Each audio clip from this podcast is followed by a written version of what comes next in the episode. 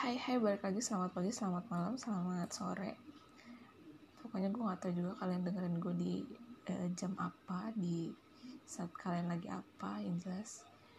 Uh, hari ini lo balik lagi sama gue Made di gue podcast. Dan hari ini gue mau ngomongin lagi tentang drama yang gue baru tonton.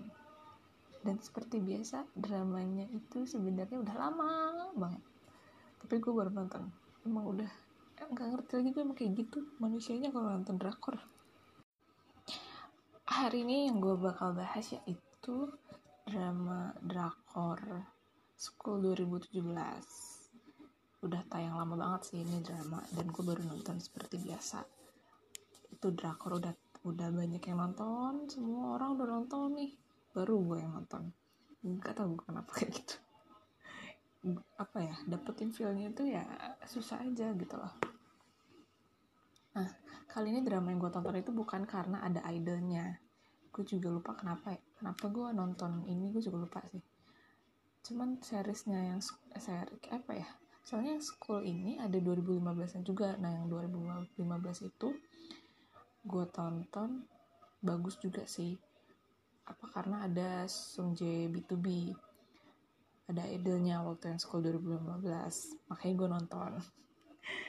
Karena katanya si Sunji itu ini kan yang waktu 2015 itu dia kayak tengil gitu. Jadi kayak tapi emang manusianya tengil. Kayak mana ya? Bukan manusia. Maksud, maksudnya gini. Emang dia itu sehari harinya emang tengil sama hiung hiungnya so tau banget gue tapi kalau di YouTube di apa namanya? Kan ada tuh yang YouTube B2B yang uh, nge-shoot backstage-nya mereka kalau misalkan perform itu emang dia tengil gitu sama yung-yungnya sama kakak-kakaknya itu dia tengil. Nah terus gue mau terus gue mau lihat di drama di drama itu dia kayak mana dan sama aja memang emang dia apa namanya emang dasarnya dia kayak gitu pas masuk drakor ya it's the real him gitu. Emang itu tuh dia gitu loh tuh nah terus gara-gara kemarin ini gue nonton School 2017 kalau yang 2015 gue udah lama banget nonton gue lupa. Tapi udah lama gue udah pernah nonton. Yang 2017 ini gue kayak uh, flashback gitu ke masa-masa SMA gue kayak yang pernah apa namanya piket piket piket di kelas benerin meja nyapu hapus papan tulis terus jadwal kan ada jadwal piket tuh. Ada berapa orang gitu sehari ada berapa orang. Nah itu tuh apa namanya kita ngebaginya kalau misalkan misalkan nyapu nih. Jadi kan ada berapa baris misalkan ada empat baris. Oke gue dua baris lo dua baris. Kayak gitu. Terus ng ngapus papan tulis terus ngisi tinta spidol. Nah ngomongin spidol gue dulu paling sering yang namanya uh, nulis di papan tulis. Paling sering. Apa gue dulu? Jadi sekretaris terus ya? Gue lupa tapi yang jelas gue sering sih nulis di papan tulis itu. Dan gue suka. Karena gak tau sih kenapa suka. Tapi gue suka aja gitu kalau kalau disuruh nulis seneng aja. Dan padahal kalau misalkan kita nulis di papan tulis kan kita nggak punya catatan ya. Tapi kok gue seneng ya? Heran intinya kayak gitu lah. Pokoknya dulu dulu itu menurut gue ya tulisan gue di papan tulis itu ada tulisan yang paling bagus paling lurus paling rapih di antara teman-teman gue yang uh, suka yang apa sering nulis juga.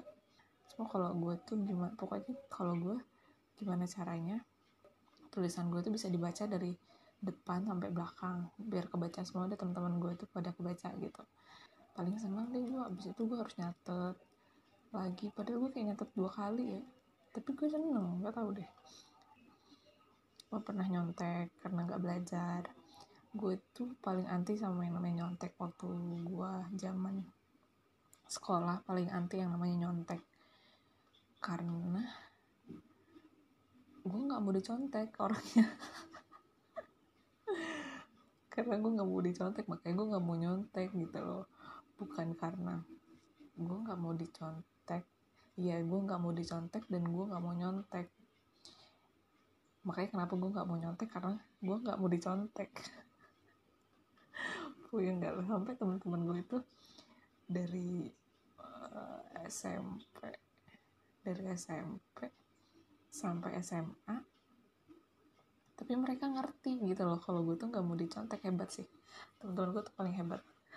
Paling pengertian. Apalagi teman sebangku gue waktu SMA pokoknya semua orang ngomongin gue tuh pelit karena gue nggak mau dicontek kan gue nggak mau dicontek dan gue nggak mau nyontek. Kenapa gue nggak mau nyontek? Karena gue nggak mau dicontek. Karena prinsip gue itu kayak apa yang lo lakuin ke orang lo juga bakal dapet perlakuan lo ke orang itu gitu loh. Makanya gue nggak mau. Nah terus itu hmm, tapi waktu itu pernah sekali kan. Gara-gara gue salah belajar bukan nggak belajar sih salah. Salah salah materi pas udah mau ulang kan nah, anjir ini gue nggak belajar. Terus habis itu sebangku gue kan pinter nyontek. Dia nyontek ke tempat lain gue nyontek ke dia. Lucu deh. Parah deh itu. Itu cuma sekali itu doang gue nyontek habis itu udah. Gak pernah nyontek gak pernah dicontek. Emang teman-teman gue tuh pengertian banget gak ngerti. Habis itu uh, dulu tuh kalau eh gak tau gue paling sering gue paling sering tidur di kelas. Enak banget tidur di kelas itu. Karena kelas gue itu kan di lantai dua. Udah gitu sekolah gue itu di atas bukit. Di atas bukit. Kayak apa masuk perumahan gitu. Sekolah gue tuh kayak masuk perumahan terus nanjak nanjak gitu. Di terus di belakang sekolah eh di belakang sekolah gue itu uh, apa kebun. Dan perumahan warga doang gitu nggak nggak ada apa bukan kayak sekolah-sekolah tengah kota yang uh, sampingnya jalan terus kantor-kantor gedung-gedung nggak nggak kayak gitu. Jadi kayak apa kalau kita belajar tuh kondusif banget banget. Nggak ada suara berisik gitu loh. Pokoknya keren deh keren deh. Untuk tidur itu nyaman banget terus karena di samping sekolah gue tuh kebun jadi kayak anginnya itu ya wah. Apalagi kalau hujan waduh. Itu adalah saat yang tepat untuk tidur. Terus kalau menurut gue kelas gue itu yang paling uh, cerah. Menurut gue sih paling cerah. Soalnya emang emang uh, gue gue ngajak teman-teman gue tuh buat kayak ngedekor kelas gitu. Apa? Jadi jadi biar nyaman aja sih sebenarnya. Biar kelasnya tuh nyaman cerah enak dilihat gitu lah bersih. Kalau menurut gue sih kelas gue yang paling wow. Gak tahu sih. Itulah. Udah lah ya cukup lah buat flashbacknya. Sekarang gue mau cerita tentang dramanya. Jadi dramanya itu ada 16 episode. Di episode pertama kedua itu baru muncul tuh konfliknya. Terus si karakter utama ceweknya ini muncul abis itu eh gue nggak ngerti sih mana yang karakter utama mana yang begitu begitu soalnya di drakor yang ini tuh eh intinya gue belum bisa nentuin leadnya yang mana yang utama yang mana yang ngebantu yang mana kayak gitu deh gue gak ngerti. Nah gue kenalin dulu aja kali nama nama nama karakternya ya. Jadi yang sering muncul itu namanya Kim Sejong. Dia main jadi ngantuk gak jadi Raan Ho Raan Ho terus yang yang cowok itu satunya namanya Jang Dong Yun sama Kim Jong Yeon si Jang Dong Yun ini jadi Song Dewi yang Kim Jong Yeon jadi Yeon Taewon nah terus di episode berapa gitu ada idolnya ternyata si Rowoon SF9 waktu gue tuh tahu dia Rowoon ini main di Extraordinary Extraordinary You kalau nggak salah. Iya extraordinary you backgroundnya sekolah juga. Nah pas gue liat wah ada Rowan di situ ternyata. Ada idolnya juga padahal gue nggak tahu kalau ada idolnya. Nah terus di sini gue paling suka sama aktingnya Taewon sih yang kayak dingin dingin tapi sebenarnya sweet macam suga gitu. Suga BTS si kakek kakek gue gak tau kenapa nih lagi bucin sama suga soalnya terus si Taewon ini ceritanya dia jadi anak anak yang punya sekolahannya itu. Jadi kalau misalkan dia mau buat masalah apa pun nggak bakal kena hukum kan sama guru-gurunya karena dia anak yang punya sekolah gitu. Nah terus kalau si Anho sama si Dewi ini anak yang biasa aja anak sekolah biasa aja yang statusnya status keluarganya itu kayak menengah ke bawah gitu. Nah terus konfliknya tuh muncul ketika si Tewon ini uh, kayak udah gemes gitu sama sekolahnya. Yang menurut dia tuh sebenarnya dalamnya tuh kayak udah bobrok gitu loh. Tapi apa uh, kesimpulan ini yang gue ambil dia udah gemes sama sekolahnya itu gue uh, pas udah apa udah episode mau akhir-akhir gitu deh gue nyimpulinnya. Nah terus pas waktu dia apa buat masalah itu si Enho itu juga kena. Jadi kayak nggak sengaja gitu loh. Yang jadi kayak yang ngelakuin Tewon sebenarnya. Eh yang kena Enho. Itu tuh gara-gara bisa kayak gitu bisa kena kena si Anho-nya gara-gara si Tewon ini kayak ngacak-ngacak ruang guru. Nah si sebelum dia ngacak-ngacak itu dia kena uh, apa namanya? Dia ngacak-ngacak itu kan malam nah pas siangnya pas sekolah itu dia uh, eh, HP-nya dia disita sama gurunya gara-gara dia main HP di kelas kan padahal masih ada guru. Nah disita lah HP-nya uh, si Anho ini. Dia pinter gambar. Nah di kelas dia ngegambar kan. Uh, apa namanya ngeluarin sketchbook kan dia. Diambil sama gurunya gara-gara nggambar di kelasnya dia. Pas lagi kelas gitu. Terus si Tewon ini uh, minta minta minta balikin HP-nya kan sama gurunya dikasih lah gara-gara eh karena dia anaknya yang punya sekolah. Langsung lah dikasih. Pasien aku minta nggak dikasih kan sketchbooknya.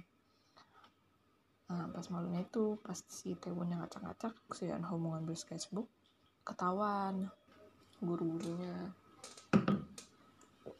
Nah kan posisinya itu berantak berantakan. Dan yang yang ketahuan di situ Enho kan si Tewonnya udah cabut. Terus pas yang kan dia nyoret-nyoret juga kalau nggak salah nyoret-nyoret jendela. Ada tanda X gitu akhirnya uh, satu sekolah itu nyebut X ini yang ngeberantakin sekolahan lah intinya gitu. Yang buat masalah di sekolah tuh si X nggak tahu nih mereka kalau si X itu si Tewon. Nah tapi karena waktu itu si Enho yang ada di ruang guru uh, mereka semuanya curiganya ke Enho kan. Nggak hanya curiga sih mereka juga kayak uh, udah udah mikir Enho nih pelakunya gitu.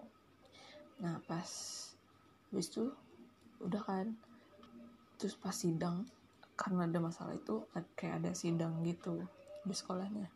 Sidang sidang kedisiplinan gitulah. Si Anho nya mau di di apa entah dikeluarin atau di scores gitu.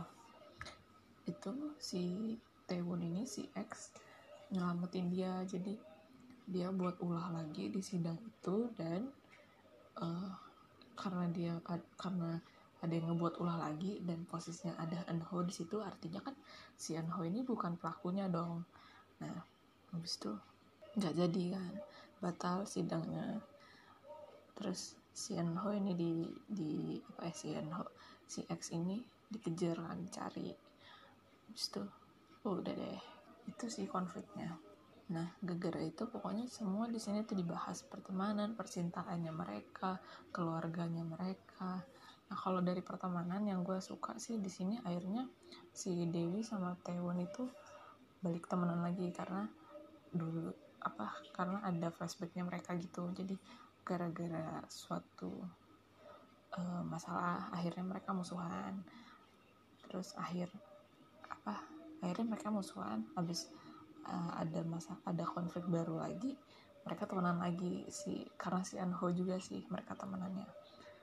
Nah, hubungannya hubungan si Dewi sama Taewon ini kenapa mereka kayak musuhan gitu? Kayak tapi gue udah kayak nebak gitu sih. Mereka tuh pasti punya uh, konflik masa lalu gitu kan.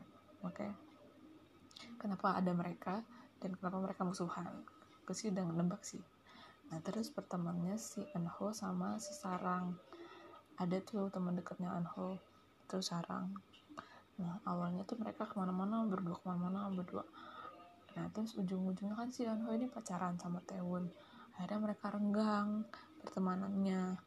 Terus tapi karena si si sarang ini orangnya bijak kayak gitu akhirnya dia langsung ngomong sama Anho kayak diomongin gitu masalahnya mereka tuh apa kenapa kayak gitu dijelasin semuanya kan sama mereka.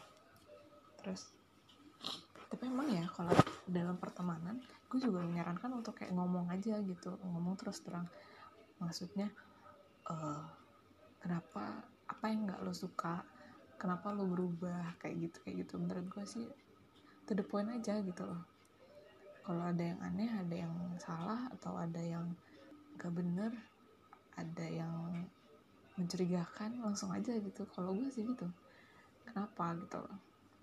Intinya kalau teman-teman jangan jangan sampai jadi musuh lah menurut gue ya. Terus kalau percintaan gue di sini paling suka sama Anho sama Taewon karena Taewon itu parah sih dia dingin banget orangnya.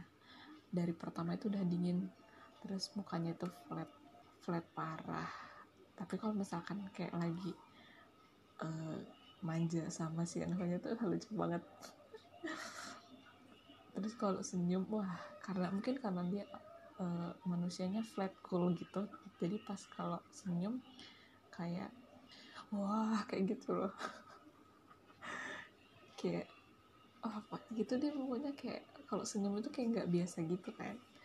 Terus mereka tuh pacarannya yang weekend itu main keluar uh, berduaan di taman sekolah di kantin. Scene-scene yang udah gue duga sih sebenarnya. Dan emang harus ada lah scene cewek atau si cowoknya kayak jadi sakit gitu kan terus pasti ditolongin sama pacarnya. Kayak gitu. Deh kayak scene scene pacaran sekolah pacaran di sekolah gitu lah kalau yang apa yang sakit itu kayak uh, ada tuh si Enho-nya waktu itu keracunan keracunan makanan terus ditolongin sama Tewon Shinho nya pingsan kan ditolongin terus sama Tewon lucu sih. Terus hmm, ada satu lagi yang yang apa? Masalah percintaan apa? Tentang percintaan dan kesetiaan gitulah. Si Dewi sama ceweknya namanya nama ceweknya itu Hong Namju. Jadi ceritanya si Namju ini jatuhnya uh, di ngehianatin tapi enggak sih menurut gue tapi dia ngebohongin ngebohongin teman-temannya ngebohongin pacarnya juga. Gara-gara uh, ini kan sekolah yang hype yang uh, anak-anak isinya tuh anak-anak yang kaya gitulah. Nah terus si si Namju ini dikira sama teman-temannya itu anak-anak orang kaya. Nah dia inilah sebagai uh, teman sebagai orang sebagai anak sekolahan yang pengen punya banyak teman juga pasti kayak apa dilema gitu nggak sih? Dilema yang uh, apa gue harus uh, bantah pernyataan bahwa gue bukan orang kaya atau gue harus ngeiyain ngeiyain gue orang kaya biar gue punya banyak temen kayak gitu kan terus akhirnya di cerita itu dia nggak nggak nggak nyangkal nggak nggak ngebantah itu gitu. Terus awalnya juga si Dewi kan nggak tahu tuh kalau misalkan dia tuh sebenarnya bohong. Nah tapi akhirnya si Dewi itu tahu yang sebenarnya. Tahu kalau dia bukan orang kaya bukan apa bukan orang kaya deh pokoknya gitu lah.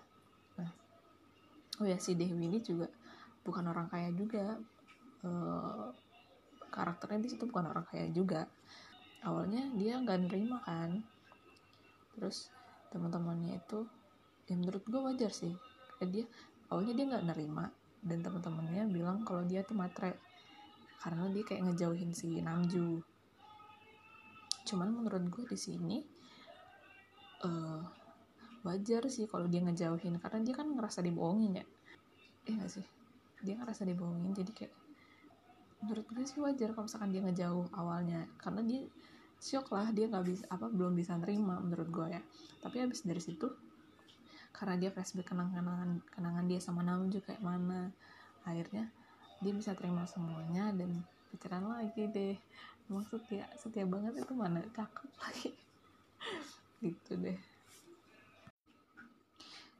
Dari drama ini yang gue ambil yang bisa gue ambil dan yang paling gue ingat adalah uh, komunikasi.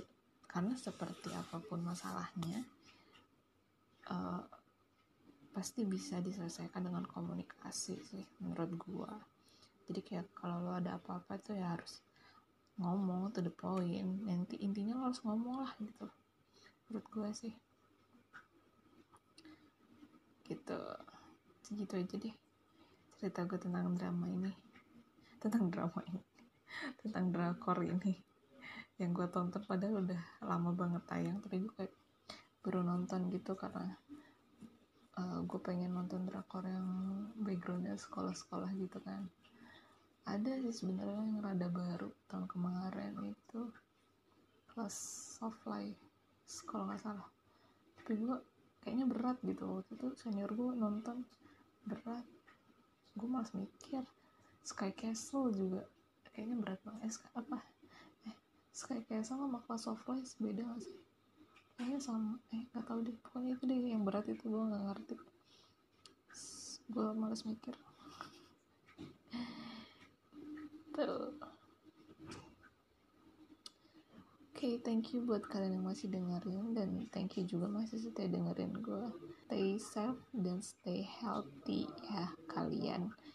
Semoga semuanya bakal cepet kelar. Semoga uh, dunia balik lagi kayak dulu. Tapi baliknya yang baik-baik aja. Yang jajatin jangan. Tapi gara-gara gara-gara wabah ini tuh kayak ada bagus ada enggaknya sih. Dan gue baru baru berani ngomong sekarang karena nggak tahu sih. Gue dulu waktu pertama pertama kena eh pertama pertama pertama diumumin di Indonesia ada yang kena itu gue sama sekali nggak nggak berani gitu. Nggak berani ngomongin kayak sedih aja gitu loh sampai.